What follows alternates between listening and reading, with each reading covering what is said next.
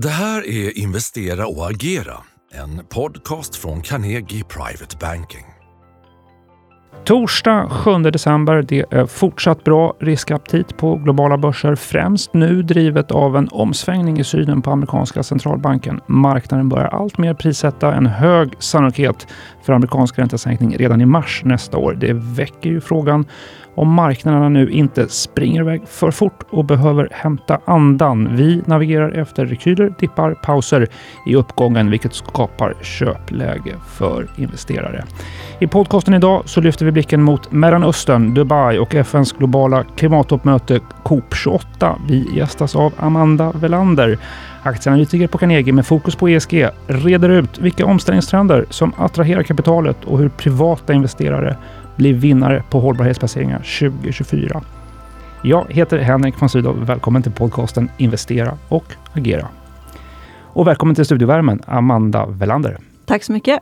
Det globala klimattoppmötet COP28 i Dubai, det pågår ju. Det är ett omfattande informationsflöde från konferensen. Ska vi starta med sammanhanget. Varför är COP28 viktigt för dig som aktieanalytiker?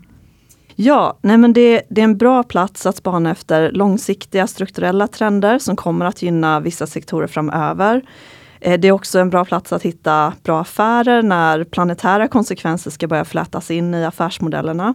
Och negativa externaliteter men även positiva plötsligt kommer att få ett pris. Och från ett investerarperspektiv så handlar det ju både om riskminimering men även att identifiera framtida ordervärden. Mm. Spännande, bra plats säger du. Det är ju också mycket bank och finansfolk på plats. Det kallas ju för Wall Street i öknen. Eh, under de här dagarna som konferensen har pågått nu, eh, specifikt då, vad fäster du blickarna på? Ja, ja det, är, det är fantastiskt hur stort det har blivit. När det började 95 i Berlin så var det 3900 personer på plats och i år är det 100 000. Så det är ett väldigt stort eh, evenemang. Och huvudfrågorna i år då, det är Global Stocktake som man gör för första gången sedan Parisavtalet, där man helt enkelt kollar eh, hur vi lägger till jämfört med, för i Parisavtalet 2015 kom man överens om att man ska försöka begränsa jordens uppvärmning till en och en halv grad. Och det här är första gången man egentligen ställer sig frågan då, hur ligger vi till? Och det har, vi har gjort en markant förbättring jämfört med hur läget var 2010, men vi är inte i fas med att klara av målen vi har satt upp till 2030. Sen en, så det är en av huvudfrågorna. En, den andra är utfasning eller nedfasning av fossila bränslen som är en jättestor puck. Och det är egentligen om man huruvida man kommer överens eller inte om den pucken kommer egentligen avgöra om man ser det här som ett lyckat eller misslyckat möte. Mm. Eh, och där är det ju då eh, en huvuddel av världens länder som vill se en utfasning eller no någon typ av nedfasning i alla fall. Eh, Medan fossila ska säga, oljeländer tycker att det räcker med CCS eh, som är då Carbon Capture and Storage. Det är att man fångar in koldioxid eh, vid skorstenarna där man bränner fossila bränslen till exempel och sen trycker ner det i jorden. En studie nyligen dock av eh, University of Oxford eh, visade att det skulle kosta 30 triljoner dollar till 2050 att ha 50% CCS istället för 10% som man annars har tänkt. Plus då att fasa ner fossila bränslen. Så det är väldigt mycket dyrare lösning än att vi slutar använda fossila bränslen. Eh, och dessutom så skulle det kräva land för odling av energigrödor som motsvarar halva Saudiarabien. Mm. Eh, så att ganska, ganska dyr lösning. Sen så eh, är det även att man kommit överens om en loss and damage fund för sårbara länder och eh, man har kommit överens om en, eller börjar komma överens om en förnybar energisatsning. Just det, men fossilfritt är nya heta, en, en tidig takeaway kanske då. Det här är ju en 13 dagar lång konferens, den pågår fortfarande, fortfarande mm. slutar den 12. givet utfallet hittills, vad är viktigast att ta med? Vad betyder det här framåt för privata investerare? Ja, men en loss and damage fund verkar bli av eh, och det, det kommer hostas av Världsbanken de närmsta fyra åren. Och särskilt sårbara, vad det nu innebär, kommer att ha tillgång till det. Och det har ju varit en av, av puckarna då. Och då uppmanas, eller starkt uppmanas, ut, utvecklade länder att bidra och utvecklingsländer uppmuntras att bidra till det här. Men där, det var en ganska tidig nyhet, eh, så det här verkar bli av. Sen har 110 länder hittills redan kommit överens också om att trippla förnybart och årligen dubbla energieffektiviteten till 2030. Så det, det är väl den, den mest påtagliga, så det är också en överenskommelse som, som so far i alla fall verkar kunna bli av mm. eh, under det här mötet. Skapar det här investeringsmöjligheter, affärsmöjligheter för, för investerare? Eh, ja, det, de sektorer då som, som gynnas, som, för det, det här verkar ju hända eh, då att man kommer komma överens om det här och då, då blir de gynnade sektorerna allt egentligen som berör energieffektivitet och det kan ju vara eh, isoler, alltså allt från isolering till att byta fönster och dörrar. Eh, förnybara energibolag givetvis, men även laddinfrastruktur. Och där berörs ju installationsbolag som då, eh, vi, vi behöver ju att någon installerar det här. Råvaror är antagligen positivt, vissa typer av råvaror, för det krävs mycket mer koppar till exempel eh, i en elbil än i en, en vanlig bil, eller andra bilar. Eh, och där är ju fordonsflottan för passagerarfordon är ungefär 5% el eller alternativa bränslen i, i Europa, men i Sverige då 9% Men det växer i Sverige med 50% per år. Så det här är ju en stark, stark tillväxtkurva. Eh, så vissa transportbolag som är tidigt framme i den omställningen kan också vara intressant att titta på. Mm. Det här är ju dock strukturellt, det är ju lite längre sikt, men, men man kan på kort sikt även se att eh, flera av de här sannolikt även kan gynnas av en bättre konjunktur om vi får det framöver. Mm. Det där är sektorer som får medvind från Mellanöstern då och eh, ja. Dubai-toppmötet.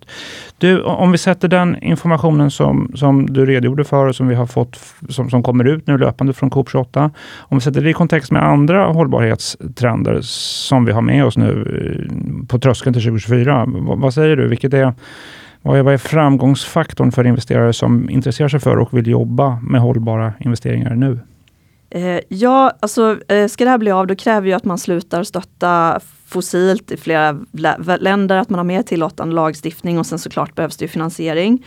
Men det, det, är ändå, det verkar ändå vara liksom, en, en intressant strukturell trend att investera i. Och jag, då har jag stämt av med mina kloka kollegor som tittar mer ner på bolagsnivå vad de rekommenderar. Och några av dem, ett knippe bolag då som, som eh, vi har köprek för närvarande på då, eh, är bland annat Volvo, då lastbilar, inte bilar, trucks. Mm. Filo som är eh, koppargruva i, i Argentina. OX2 som är vindkraft. Scatec, Cloudberry Clean Energy, Bravida, Instalco, Inwido och Nibe. Så det är ett knipp, knippe bolag man kan kika på. En hel bolag som då alltså skulle gynnas av de trender som vi ser kommer ut från, från, från eh, Dubai-toppmötet. Ja.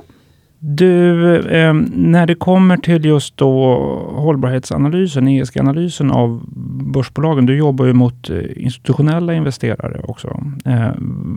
Vad, vad, vad, sätter det institutionella kapitalet ögonen på när det kommer till ESG-analys just nu? Vad, vad, vad vill de investerarna veta? Nej, men där, där vi hoppas vi kan, kan stötta extra mycket, det är ju guida om den lagstiftning som är på väg och försöka förmedla vad, vad den innebär, hur det påverkar bolagen, vad är det som är på G.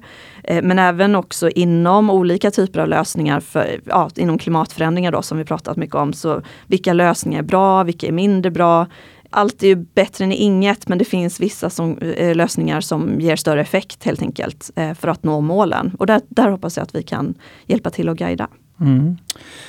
Du, eh, hållbarhetsinvesteringar kanske man inte ska se som separata från andra investeringar, utan det handlar om att identifiera vinnande bolag. Eh, du listade ju några bolag där som, som, som, som vi tror på du nämnde, gjorde en referens till att nå Parisavtalet, att nå målen i Parisavtalet. Kommer det att bli, blir det ännu viktigare faktor eh, framåt för börsbolagen? Ja, det får man väl hoppas. Att, och det tror jag det finns en genuin vilja att ställa om. Mycket är ju eh, de resurser som behöver till och sen förstå lite hur man, vad kan jag göra? Men jag tror mycket, mycket inom det här området är gräv där du står. Mm. Eh, försök inte lösa liksom, problem på en annan plats än du verkar, för det finns väldigt mycket som du kan göra i din verksamhet och i dina leverantörskedjor, eh, mm. där oftast de största utsläppen finns. Så det, det, man behöver inte titta på vad andra gör, utan det finns mycket som, som man kan göra inom sina egna väggar. Just det. Och ska man hitta hållbarhetsvinnare 2024 så möjligen just nu, nu springer ju många investerare på att eh, försöka identifiera då tidigare räntekänsliga bolag som nu kan bli vinnare med ett annat ränteläge möjligen någonting att spana efter. Räntekänsliga bolag där det vänder som samtidigt är duktiga på att jobba med hållbarhet. Kan det vara en formel framåt? Verkligen. Eh, på, och på lite, även lite kortare sikt då. Just det. Du, stort tack eh, för eh, uppdateringen om hur vindarna blåser då på Coop 28 i eh, Dubai och hållbarhetstrender som förstärks då kanske tillsammans med andra ekonomiska trender in i 2024. Det där får bli utgången för podcasten idag. Vad gäller bolagen som Amanda nämnde i samtalet så finns analys att ta del av på carnegie.se. Vi påminner förstås också om att investeringar också innebär risk. Nästa podcast den släpper vi den 14 december, en torsdag. Välkommen att lyssna då också. Tack för idag. Är du intresserad av topprankad aktieanalys och unika investeringsmöjligheter? Gå då in på carnegie.se privatebanking och lär dig mer om vad du får som private banking-kund hos oss.